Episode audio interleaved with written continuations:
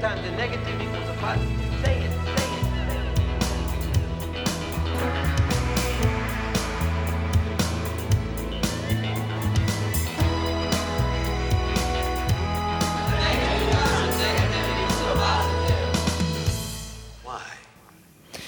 Hej och välkomna till podcasten Anpassa skolan med Jimmy och Sissi.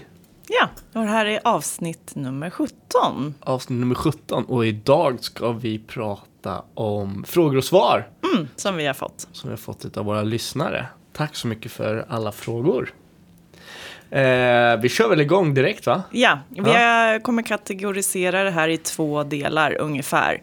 Frågor från föräldrar och från lärare. Mm. Ska vi börja då med lite föräldrafrågor? Då läser jag upp den här. Så här är frågan.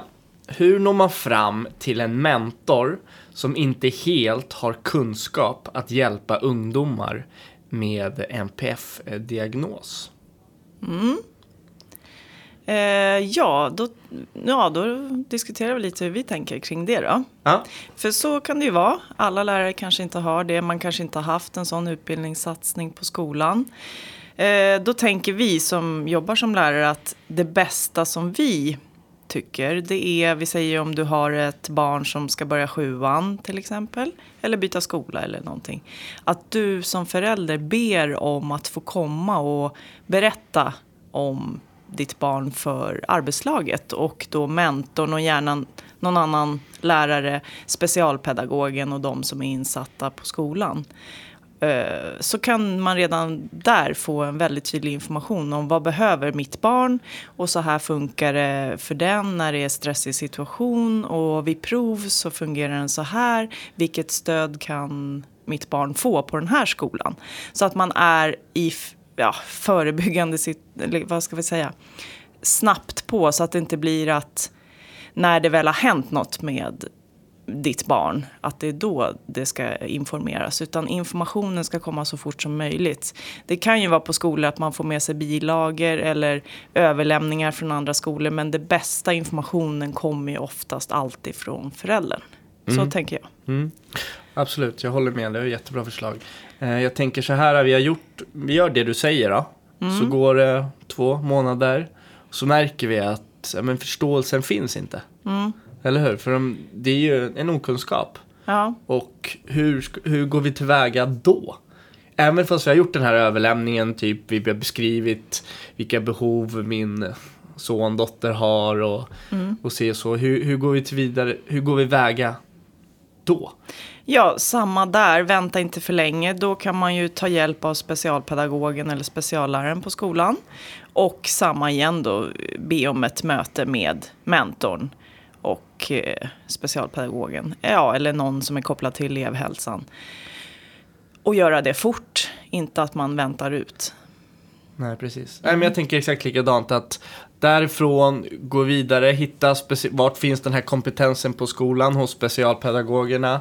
Ta hjälp av, koppla in specialpedagoger ehm, och få med dem i de här mötena till exempel, ha några utvecklingssamtal och ja, mötena och så.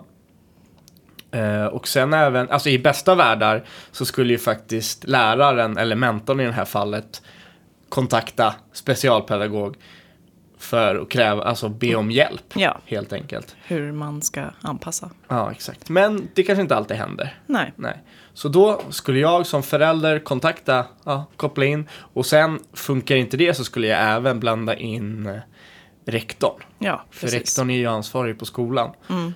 Och då får rektorn eh, hitta på lösningar och hitta personer som har den här eh, Mm. kunskapen, kompetensen. Och det är ju också så, måste man ju tillägga, att eh, du kan ju ha ett barn som inte ens har diagnos. Den har ändå rätt till det stödet den har.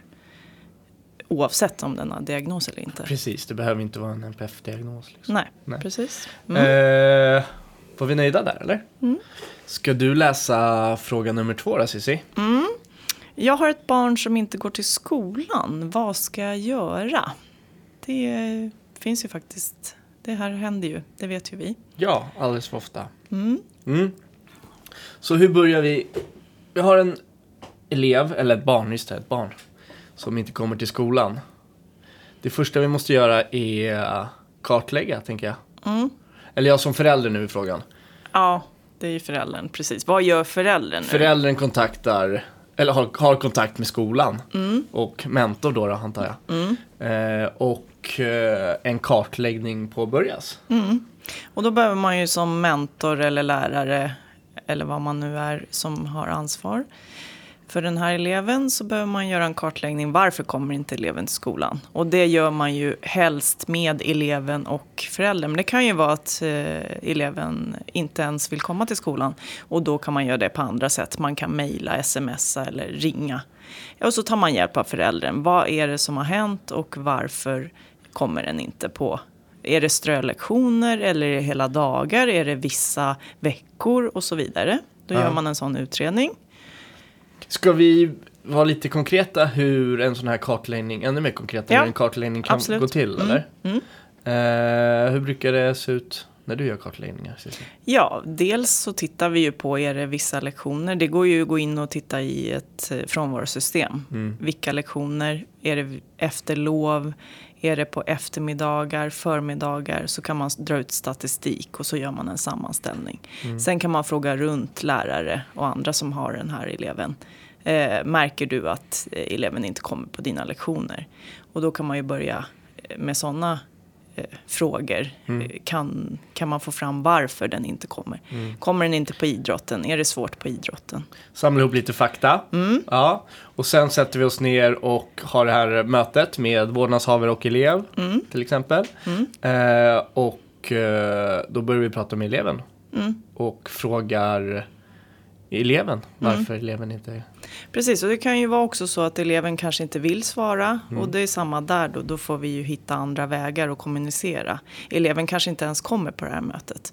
Och då får man ju försöka få kanske föräldern att bli som, vad ska man säga, tolk. Eller, eh, eller ha förberett frågorna redan som ska komma då på mötet till eleven. Så kanske den har kunnat svara på dem hemma och så får föräldern ta med sig det. Och ett enkelt sätt att göra en kartläggning på kan ju vara att tillsammans med eleven, eller be eleven eh, använda ett, sitt schema och med färgpennor visa vilka lektioner, eller vilka delar på dagarna som är jobbiga. För det behöver inte vara lektionerna, det kan ju vara raster till exempel. Eller lunchen eller vad som helst.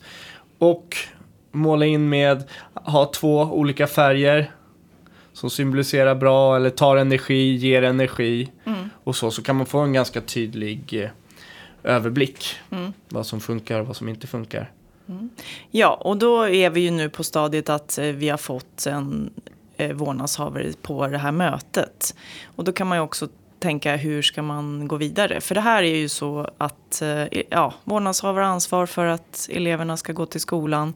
Får man dem inte till skolan så måste det tillsättas en utredning. Och det är ju rektorns ansvar på alla skolor att eh, man ska skynda sig med det.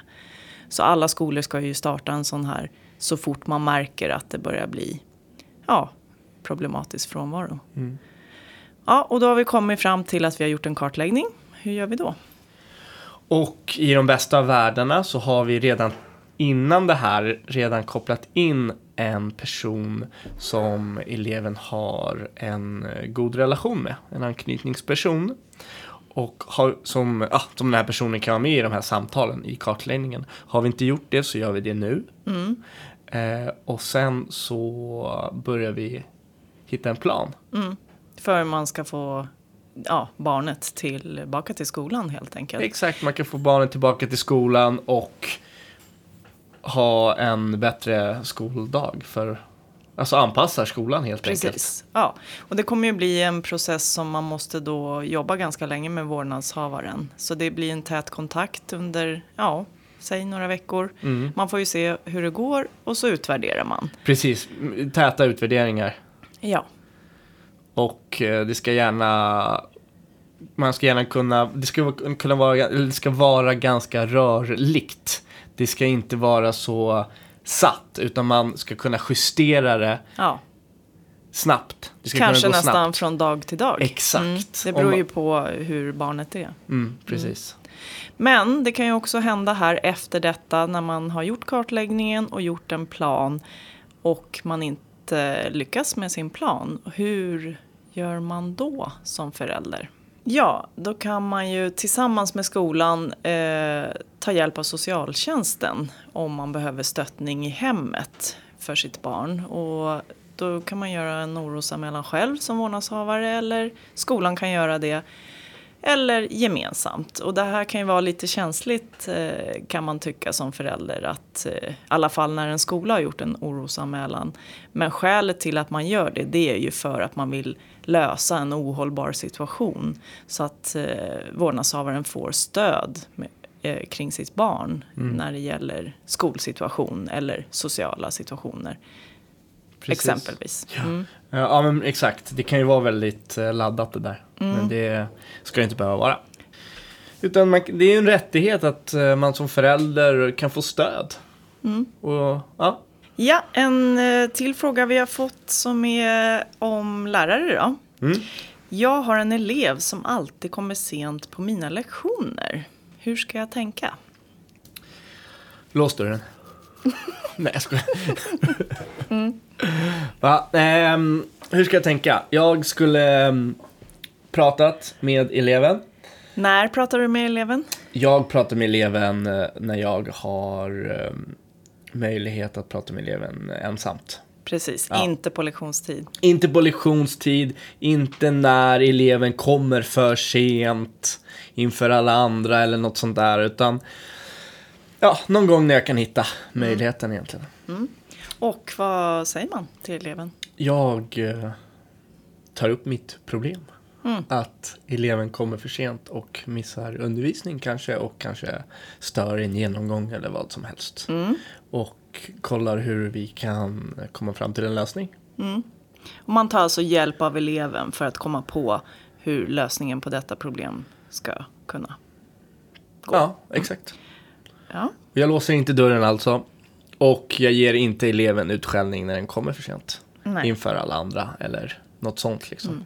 För vi kan ju ha en elev som eh, behöver gå in senare. Som tycker att det är jobbigt att gå in när alla andra går in. Den kanske måste ha väntat till alla har satt sig.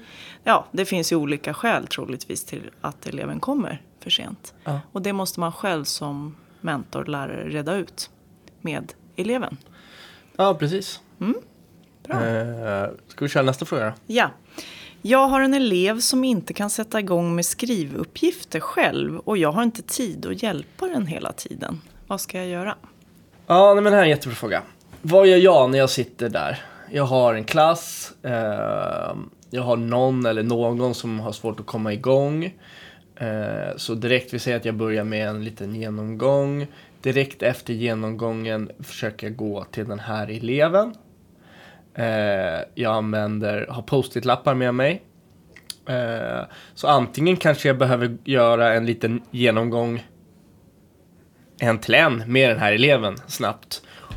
Och eh, för att ah, då förstår eleven vad de ska göra. Även skriva ner, okej nu vill jag att du ska jobba, nu vill jag att du ska göra den här uppgiften eller jobba på den här sidan eller vad det nu kan vara. För det kan ju vara så att eleven faktiskt inte vet vad den ska göra. Mm. Så då, då skriver det på en liten post-it-lapp eller har jag en förklaring så har jag en liten så lämnar den där post-it-lappen med den här lilla förklaringen till exempel. Eh, ja, så brukar jag göra. Och där är ju en smart grej för du kan ju redan innan troligtvis veta att den här eleven ja, har svårt att sätta igång. Så de där post-it-lapparna kan ju du ha skrivit i förväg. Precis. Nu ska vi skriva en skrivuppgift om den här boken vi har läst. Skriv då ett. Eh, vad handlade boken om? Två. Eh, vem var huvudpersonen? Och så vidare. Det kan ju du redan ha gjort innan de kommer in i klassrummet. Jo, men exakt. För det är ju samma elev varje gång liksom. Det vet man ju om. Ja, absolut. Jättebra. Eh, ja.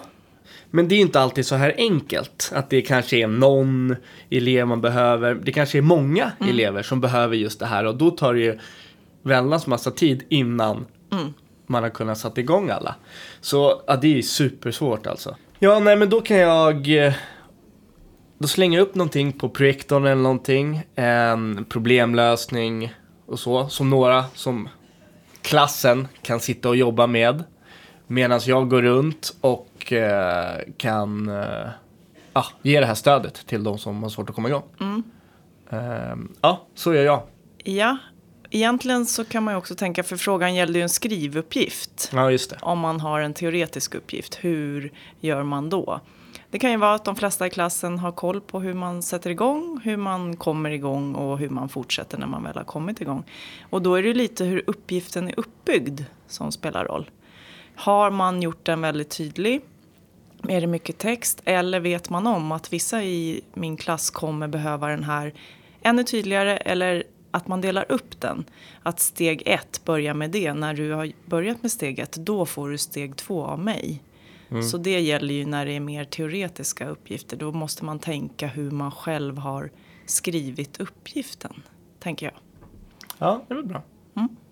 Det man också kan göra såklart här, om man ser att det här är ett upprepat mönster i många ämnen eller i de ämnen man själv har, det är ju att man på samma sätt som man gör med frånvaro, man kartlägger varför kommer inte eleven igång med uppgiften. Och då ställer man ju sådana frågor som eleven ja, kan svara på direkt. Och då kan man ju få fram att det, ja, jag kan inte sitta i klassrummet när alla andra sitter och skrapar med pennorna. Nej, okej, se till att det finns ett grupprum eller ett lugnare rum någon annanstans där eleven kan få sitta med sin skrivuppgift och så vidare. Ja, precis. En extra anpassning, man kanske kan skriva på datorn, ja, vad som helst. Ja, eller behöver lyssna på musik eller ja, sitta bakom en skärm. Det är ju sånt som man ganska snabbt får fram när man har frågat eleven. Varför kommer du inte igång Mm. Ja. med uppgiften? Så pratar med eleven. Ja. Ta hjälp av Det kan ju eleven. också vara, faktiskt, ska jag tillägga, att eleven eh, har ja, helt motivationsstyrd, vad ska man säga, jag vet inte varför jag ska skriva den här uppgiften så Nej, därför precis. kommer jag inte igång med den. Okej, men då kanske du kan skriva om det här ämnet istället. Där får man ju vara lite flexibel som lärare. Ja, exakt. Mm. Och prata med lärarteamet runt omkring, de som undervisar lärare, eller de som undervisar den här eleven, vilka knep de använder, Mm. ta hjälp av varandra. Och så också, såklart. Och den sista frågan är vart vi, vad vi läser för, för hemsidor, böcker, podcast och så vidare. Eh, då tänkte jag faktiskt tipsa om två podcasts som jag tycker om. Den ena är NPF-podden utav UR. Som jag tycker är bra. Eh, Det är med eh, Bo Helskov och Ulrika. Som tar upp exempel och, och vilka, och hur man ska lösa det. Eh, sen en annan podcast som jag tycker är jättebra. Den är från England tror jag. Mr Barton Math, Maths podcast. Och den är absolut inte bara för mattelärare utan visst är det mattelärare som sitter och snackar men de pratar väldigt mycket om pedagogik, didaktiska lösningar och klassrumsledarskap och ja, jag tycker den är super faktiskt. Så det är mina tips. Du då Cissi? Eh, ja, vi tar lite böcker då, som vi gillar. Ja. Eh, den senaste vi har läst var ju Johanna Lundins bok En skola som fungerar för alla. Lättläst och väldigt tydlig. Hela arbetslag, hela skolor skulle kunna jobba med den. Den tyckte vi var bra. Sen gillar vi även Autism och ADHD i skolan. En handbok i tydliggörande pedagogik. Och det är Anna Sjölund med flera som har skrivit den. Den har jag använt mig av väldigt mycket. Och för att den har checklistor med i boken. Eller det finns som extra material. Som man kan använda med elever. Eller med skolpersonal. Hela, man kan kolla hela skolan. Om man har en bra anpassad skola. Eh, och sen eh, Diana Lorenz som vi har varit på föreläsning eh, med. Hon har skrivit en bok som heter Stress och psykisk ohälsa hos elever med autism. Den tycker vi är bra också. Mm. Mm. Och så tipsar vi även om en hemsida som heter elevhälsan.se. Där kan man få väldigt mycket tips för där är det folk som jobbar och svarar på frågor. Man kan själv ställa frågor eller så läser man andras frågor och så får man väldigt bra svar. Mm. Mm. Jättebra. Då tackar vi för det här avsnittet då. Mm. Så syns vi om två veckor. Bra, tack tack. Hej.